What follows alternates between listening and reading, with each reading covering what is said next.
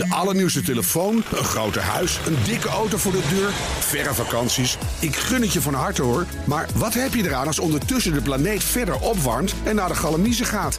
Wil je echt weten hoe het zit en wat we eraan kunnen doen? Luister dan naar BNR Duurzaam. Elke maandag tussen 3 en half 4 op de radio en altijd online als podcast. Want die volhoudbare wereld, die maken we samen. BNR Duurzaam wordt mede mogelijk gemaakt door Milieuservice Nederland. De ondernemende afvalpartner voor zakelijk Nederland. Beleggerspanel.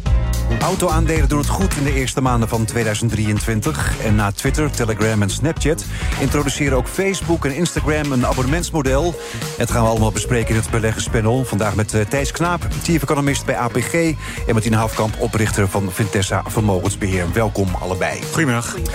Ja, in de zoektocht eh, naar nieuwe verdienmodellen introduceren na Twitter en uh, Telegram... dus ook Facebook en Instagram een bepaalde abonnementsvorm heeft, hij, heeft Mark Zuckerberg afgelopen zondag aangekondigd. Het betaalde abonnement Meta Verified bevat onder meer een verificatie van de gebruiker. En er komt weer een vinkje bij. Ja, ik had er nog niet zoveel, maar uh, dat is heel mooi. ik kijk even naar jou, en dan slaan we de trans transactie over uh, vandaag. Oh, ben ik de transacties vergeten? Ja, nou ja. La nou, zullen we daarmee beginnen? Ja, ik vond het wel. Ik had er een voorbereid. Nou, vertel. Denk, uh, wat is je laatste transactie? Ja, het, is, het, blijft het beleggerspanel, dus er moet wel wat, wat aan transacties gedaan worden. En tradities moeten we ook in ere houden. Dat is ook waar, ja. Dus een tijdje geleden kwam in het nieuws dat Nederlanders vorig jaar een kwart minder aardgas verbruikt hebben. En ik wilde melden dat, dat we gaan proberen om dat nog iets groter te maken. Dat, dat daling, de daling van het aardgasverbruik. Omdat we een investering hebben gedaan in Triple Solar. Een bedrijf dat PVT-systemen produceert. En dat zijn zonnepanelen die niet alleen elektriciteit maken, PV, maar die ook uh, de warmte van de zon gebruiken om het huis en het warme water te uh, verwarmen. En dat is uh, dan weer efficiënter dan zonnepanelen die alleen elektriciteit, alleen elektriciteit opwekken. Ja. Um, en het andere voordeel is dat het systeem geen buitenunit nodig heeft. Je kent ze misschien wel zoals je dat bij een warmtepomp hebt. Zo'n zo lawaaiig ding wat buiten staat. Nou, wij doen deze investering namens onze grootste klant ABP. Uh, via het speciale fonds dat ABP daarvoor heeft opgericht om de Nederlandse energietransitie te versnellen. En uh, dat bedrijf uh, waar het in gaat, dat Triple Solar, dat heeft inmiddels 5000 systemen geïnvesteerd in binnen- en buitenland. En met uh, deze injectie kunnen ze hopelijk nog een heleboel van die systemen uh, uh, ja, in, in bedrijf brengen. En nou, om het maar even te zeggen, dat doen we niet alleen omdat dat een soort van goed doel is, maar we denken ook dat dat een prima belegging is waarmee we op Geld termijn de pensioenen gaan betalen. Ja. Oké, okay. nou Martine, wat is jouw laatste transactie? Ja, dat nou, wil je ja. nog even meenemen dan? Oh ja, laten we dat. Uh, mijn is KPN. Op zich kan je dan weer doorgaan met zeg maar dat we minder aardgas hebben gebruikt, uh, zeg maar, want mensen gaan zetten liever, denken wij dan ook, liever de thermostatengraadje lager en dat ze wel goed internet hebben. Hmm. Uh, dan, en dan ja, als jij moest kiezen, dan ging je gewoon koud zitten en dan ging je nou, wel ja, een... koud bedoel, uh, ik denk dat de meeste mensen blijer zijn met internet dan uh, dat ze per se de verwarming op 23 hoeft te staan, zeg maar. Want Hmm. daar, daar, daar zijn wel oplossingen voor te bedenken. Maar ja, KPN is natuurlijk, het, het is zo'n saai aandeel voor heel veel mensen. Er gebeurt natuurlijk redelijk weinig, maar het gebeurt eigenlijk weer heel veel. We zijn natuurlijk heel groot aan het investeren in glasvezel. Nou, het omslagpunt is daar bereikt, zeg maar. Er zijn inmiddels meer huishoudens met aansluiting van glasvezel in plaats van die koperdingen. Ja. Uh, nou ja, bedoel, als ze daar dan, zeg maar, die investeringen zijn op een gegeven moment ook klaar. Nou, dan kan de cash cow natuurlijk, hey, of de cashmachine kan helemaal gaan rollen. Nou, nu ook, ze, je ziet ook dat ze het goed doen. Uh, ze hebben het eerste jaar een heel jaar omzet het groeit. En het was het eerste jaar sinds 2008. En je ziet dan ook natuurlijk gewoon het mooie dividend. En juist in, zeg maar, een beetje onrustige beurstijden zijn dit dan bedrijven, aandelen die wel hun waarde bewijzen en het ook gewoon vorig jaar goed gedaan hebben. Uh, nou, dit jaar gaat het ook prima. Nou ja, het is eigenlijk ja, het is dan heel saai, maar soms is saai is wel heel fijn. Soms ja, in nee, een portefeuille ja, erbij ja, te hebben. Dus Hoef je er geen zorgen over te maken. Inderdaad. nou ja, dat ga, daar gaan we vanuit van niet. Nee. Zeg maar, maar je houdt het altijd in de gaten. Maar bedoel, voorlopig lijkt er gewoon, nou ja, daar valt niet zo heel veel spannends te, te, uh, ja, te bedenken, zeg maar. Oké, okay, nou, dat waren jullie transacties. Gaan we het dan nu hebben inderdaad over die nieuwe verdienmodellen van uh, uh, Facebook en in Instagram. Want daar kan je dus inderdaad ook Meta Verified kan je krijgen als je er tenminste voor betaalt. Een bedrijf rolt de nieuwe diensten volgende week als eerste uit in Australië en Nieuw-Zeeland. Hebben jullie er hoge verwachtingen van?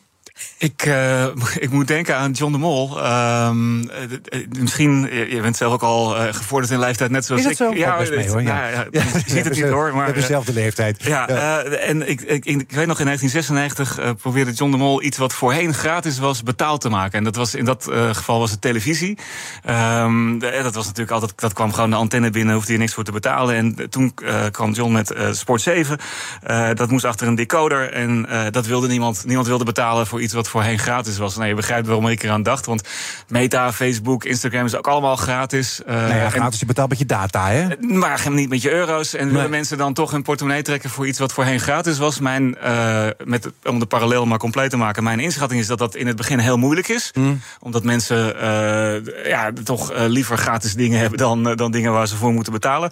Maar ik, toen ik aan John de Mol dacht, dacht, keek ik ook even naar mijn kastje, wat tegenwoordig bij de tv staat. En daar zitten toch zeker drie betaalde streamingdiensten op. Dus uiteindelijk heeft het wel het gewerkt als je gelukt, maar lang ja. Uiteindelijk is ja, het toch ja. gelukt. Dus, ik, dus als je mij vraagt van gaat dit lukken, dan denk ik nou misschien dat het toch wel eerst lastig wordt. En maar misschien dat adem. ze daarom ook wel eerst in Australië en Nieuw-Zeeland proberen, niet in de VS. Maar misschien op termijn dat het wel, uh, dat het wel kan. En met name vanwege de oude wijsheid, als je niet betaalt, ben je zelf het product. Je zei het al even met je data die je dan uh, gratis weggeeft. Ja, dat kan je ook omkeren. Als je wel betaalt, dan heb je misschien een wat betere positie als, Ja. als consument. Ja. Martine, heb jij er hoge verwachtingen van? Uh, nou, als je ziet, uh, uh, ik ben het wel eens met Thijs wat hij zegt, maar het is natuurlijk ook, uh, het is ook vooral over de, om dan die influencers daar zeg maar dat vinkje bij te krijgen, zodat je zeg maar heel veel van die meuk zeg maar die er nou opkomt, dat dat dan een beetje verdwijnt. En die influencers die verdienen al geld, dus Ja, als die, dus- als die dan 12 euro moeten Ja, betalen. precies. 12 dollar, dan Ja. denk je van, nou ja, prima. Bedoel, daar, daar, en dan ben je geverified, dus dan is het ook wel weer prima. Maar als je kijkt naar Twitter, zeg maar, daar is dat dan mo- verdienmodel ook al een beetje geïntroduceerd. Maar dat is nog geen doorslaand succes, zeg maar. Er zijn nog niet zo heel veel mensen die willen betalen voor dat vinkje, zeg maar. Dat is nu eh, nog iets van 0,2 procent van de gebruikers of zo. Dus het loopt geen maar, storm. maar misschien heeft het ook, eh, is het ook een kwestie van lange adem en gaat het uiteindelijk misschien ook wel gebeuren. Ja, nee, ja, ik zou ook, ik bedoel, als ik zelf gebruiker, eh, ik bedoel, ik ben zelf wel gebruiker van Facebook, maar ik gebruik het nooit voor nieuws of iets dergelijks. Maar ik zou het wel waarderen en ik zou er wel geld voor over hebben om heel veel dingen niet meer te zien, zeg maar. Dus Nee, maar, maar, maar goed, ik je, je, moet je, je, je moet je paspoort inleveren. Hè? Ik bedoel, een kopie daarvan. Dan- krijg je Ja. ook dat eh, vinkje. Facebook Ja, ik staat hoef zelf niet zo'n vinkje hoor. Nee, maar, Facebook staat natuurlijk niet echt bekend eh, vanwege de privacy. Hè? Vertrouwen Nee, ze wel ja, met ons paspoort dan of niet? Ja, nou ja, bedoel, dan als je zodra je allemaal leuke gegevens gaat delen op Facebook, dan, eh, dan is het tot ben je zelf ook niet zo met je privacy bezig, denk ik altijd. Dus Nee. ik bedoel, dat is dan, dan moet je de keuze maken om daar gewoon niet op te zitten. Dat is een hele andere, andere, hele andere discussie die Ja. je dan aan het voeren bent. Nou, nou, het was natuurlijk altijd gratis. We betalen met onze data. Waarom zijn dit soort sociale media bedrijven nu eigenlijk op zoek naar andere verdienmodellen?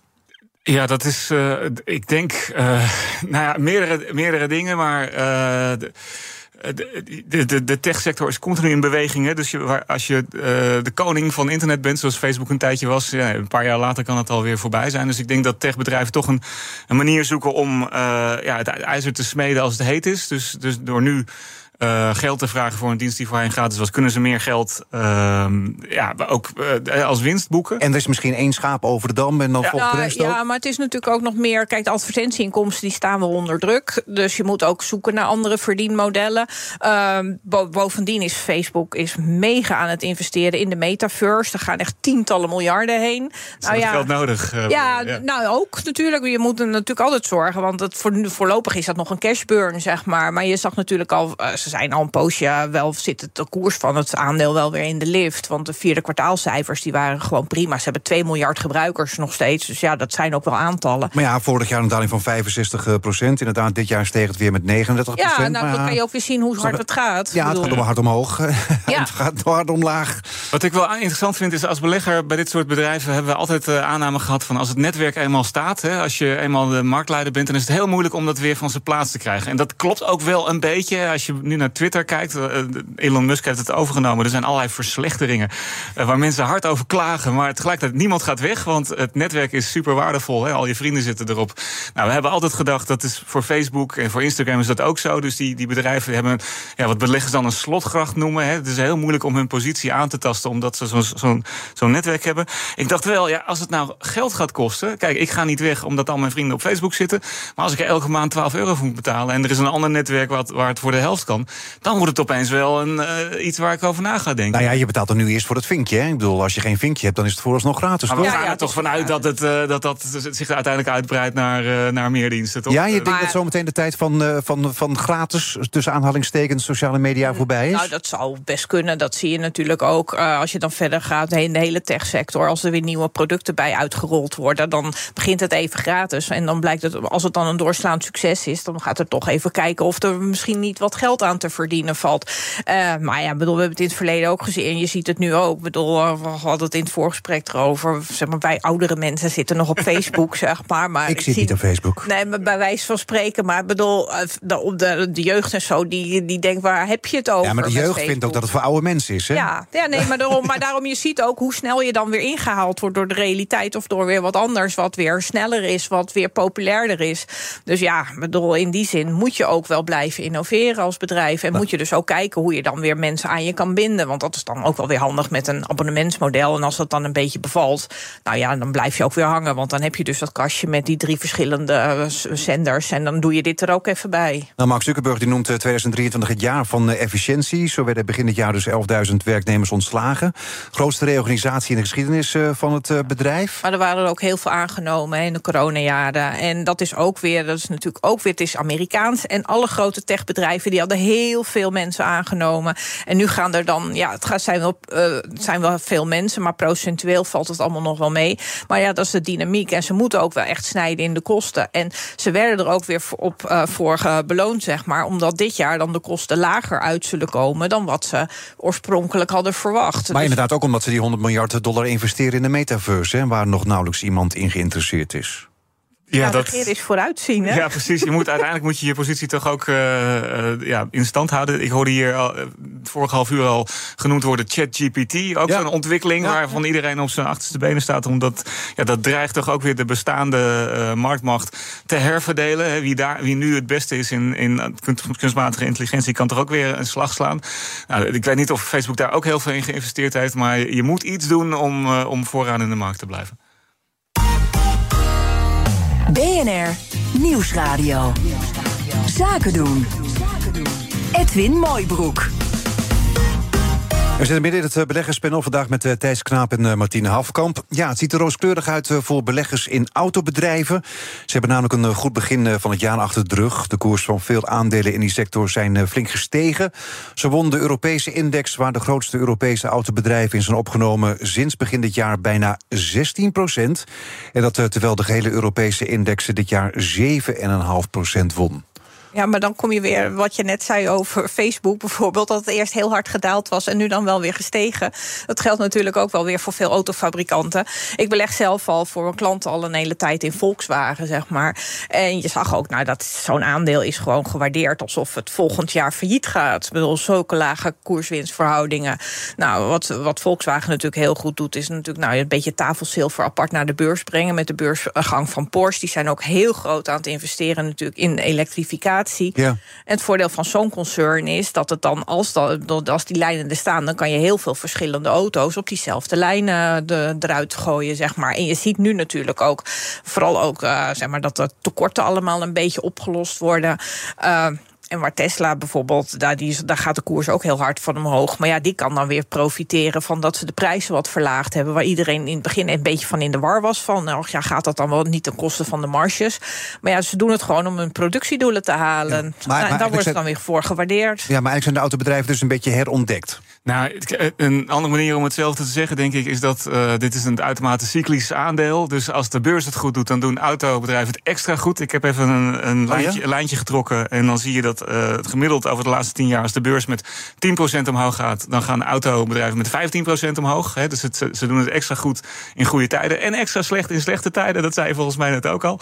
Dus het is op zich niet zo raar. De beurs uh, is dit jaar behoorlijk goed begonnen en dat die autobedrijven het dan extra goed doen, dat is niet zo raar. Nou, als je dan even kijkt van is het dan ongeveer wat je verwacht, dan zie je dat ze het nog weer iets beter gedaan hebben dan wat je toch al uit het cyclische karakter mocht verwachten. En dat komt dan inderdaad ja, door de specifieke ontwikkeling in de autosector. Waar ik denk twee dingen heel erg doorheen spelen. Het ene is de, de absolute schok die we gehad hebben met de coronacrisis. Waardoor onderdelen, chips niet geleverd konden worden. Opeens tweedehands auto's goud waard waren. waren en nu komen die onderdelen wel weer beschikbaar. Dus daar, daar gaat Heb je weer nieuwe auto's zo meteen? Weer nieuwe auto's, precies. Dus daar gaat een hele soort ja, whip, zoals zeggen de Amerikanen, door die, door die sector heen. En de andere is, is elektrische auto's. Dus daar, daar speelt de grote vraag: uh, kan je beter een nieuwe autofabrikant opzetten uh, en al die oude meuk van die verbrandingsmotoren achter je laten? Of ben je beter af als je een hele grote producent bent, zoals Volkswagen, die de productielijn heeft staan en die dus enorme schaalvoordelen kan, uh, kan ontwikkelen? Ja, Martine, jij zit dus al in Volkswagen. Zit, zit een gemiddelde pensioenbelegger er ook in? Nou ja, we, we, zitten vaak in alle bedrijven, dus dat is, dat is een vraag die ik dan met ja kan beantwoorden. Maar ik denk wel dat het interessant is, want die, die nieuwe bedrijven die nu bezig zijn, ja, Tesla is aan de beurs genoteerd, maar een heleboel nieuwe bedrijven nog niet. En ja, als dat straks de dominante autofabrikant wordt, dan zou je daar liever nu ook al, uh, al in zitten. Dus ja. daar moeten we dan wel goed op, uh, op letten. Nou ja, die koers is ook alweer flink gestegen hè, sinds begin dit jaar. Ja, maar je moet er natuurlijk altijd uitkijken, ook weer met kleinere autoproducenten. Want dan krijg je weer de schaalvoordelen die toch wel echt ontzettend belangrijk zijn. En bedoel, nou ja, aan de andere kant, je ziet als, als je naar Toyota krijgt, die was natuurlijk eigenlijk een beetje voorloper met zijn hybride modelletjes. Maar blijft nu een beetje achter, hè? Uh, ja, koers, maar dat is, dat is dan weer als je niet innoveert. En dat was natuurlijk wat Tesla eigenlijk ook heel erg werd aangerekend. Dat ze natuurlijk al heel lang niet met echt hele nieuwe dingen zijn gekomen. Dat nog maar een beetje voortborduren op hetzelfde. En daarom denken ze dan over, nou, dan verlagen we die prijs. Want we komen nog niet echt met wat nieuws. Nou, dan kan je wel weer eventjes productiedoelen halen. Maar ja, als je ook nog ziet, zeg maar, uh, zodra subsidies wegvallen, dan wordt het hele elektrische autoverhaal wordt toch voor heel veel mensen toch weer iets anders. Uh, was vandaag ook in het nieuws natuurlijk dat op zich er wordt nog steeds op aangedrongen om nog wel even subsidie te geven voor een hele poos. En je ziet ook nog steeds dat verbrandingsmotoren, gewoon auto's, gewoon zeg maar die op benzine en diesel rijden, dat die toch ook nog steeds wel het meeste verkocht worden, zeg ja. maar. Volgens zelfstandig autoanalist Matthias Smit is er nu een besef dat gevestigde autofabrikanten ondergewaardeerd zijn in vergelijking met zeer speculatieve bedrijven die nog niets echt hebben geproduceerd. Ja, maar dat is een beetje wat Thijs net zei natuurlijk. Dat je als cyclisch hebt en je hebt hele goedkope aandelen. En als je dan denkt, nou ja, er wordt nog steeds wel geld verdiend daar. Uh, dan, ja, dan ga je daar een beetje naar op zoek. En als je dan nog een mooi dividend erbij krijgt, nou, dan, dat, dan denk je, nou, dan is dit nu een mooi moment daarvoor. Ja, maar jouw transactie was ook KPN inderdaad. Ik bedoel, is het ook niet een nou, beetje. Maar KPN is wel wat anders nee, dan een auto. Nee, dat weet ik wel. Maar, maar goed, dat het zeg maar de dure groeibedrijven, dat het niet meer zo hip is, maar toch een beetje de, de, de, de, de, de oude bedrijven. Uh, nou, dat, nee, het is meer gewoon dat je kijkt afhankelijk van de marktomstandigheden. Als je ziet dat de rente toch de neiging heeft om op te lopen, dan krijg je met die groeibedrijven natuurlijk dat de waardering daarvan lager wordt. Uh, je ziet eigenlijk in, over het hele brede veld zie je juist dat alle aandelen, wel zeg maar, dat de, koer, de koers-winstverhoudingen daarvan wel weer omhoog zijn gegaan. En dat moet dan nog even weer blijken natuurlijk of dat gaat rijmen met hoe de economie zich gaat ontwikkelen. Ja, maar hoe kies je nou de winnaar bij die autofabrikanten? Gewoon eigenlijk uh, overal een beetje in zitten? Ja, dat, is de oude wijsheid. Dus er is een periode geweest, begin 20e eeuw, waarin er ook honderden autofabrikanten waren, waarvan er uh, misschien wel uh, 97 niet meer bestaan. En daarvan hebben beleggers geleerd van als je gewoon in allemaal investeert, dan zit de winnaar er ook tussen. En dan ben je uiteindelijk eigenaar van, van het belangrijkste bedrijf. En dan weet je zeker dat je de winnaar niet mist. Dat is één strategie. Maar ja, dat, dat is wat lastig op het moment dat heel veel bedrijven, zoals tegenwoordig, niet zo snel naar de beurs gaan. En dus in private handen blijven. Want dan moet je er echt. Ja, dan kan je niet een klein stukje van, van alle bedrijven kopen. Dus, nee. dus dan is het een kwestie van goed opletten. En daar, uh, ja, daar is dus wat ik net zei, de vraag: moet je inzetten op de bestaande autobouwers die enorme efficiëntie kunnen ten, en ervaring hebben in het, in het produceren van grote stukken staal, wat een auto toch is. Daar, heb je, ja, daar zit heel veel learning by doing in, wat je niet zomaar kan namaken. Of moet je toch inzetten op die, ja, die, die, die wendbare jongens die, die nu met een heel nieuw concept komen?